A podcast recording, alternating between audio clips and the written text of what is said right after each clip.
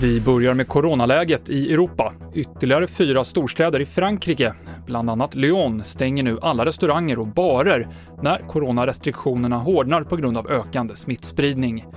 Och det är inte bara i Frankrike som det stramas åt. I Berlin, som är känt som en feststad, måste barerna stänga klockan 23 från och med imorgon. Och i Bryssel så håller barer och kaféer stängt i en månad.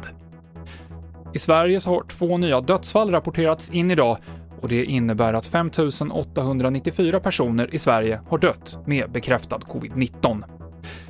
AB Volvo avslutar alla sina permitteringar.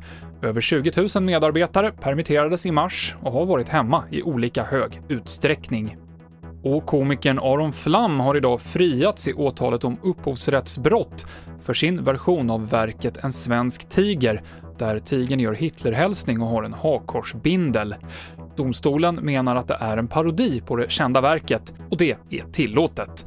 En intervju med Aron Flam finns på TV4 Play. Det här var nyheterna med Mikael Klintevall.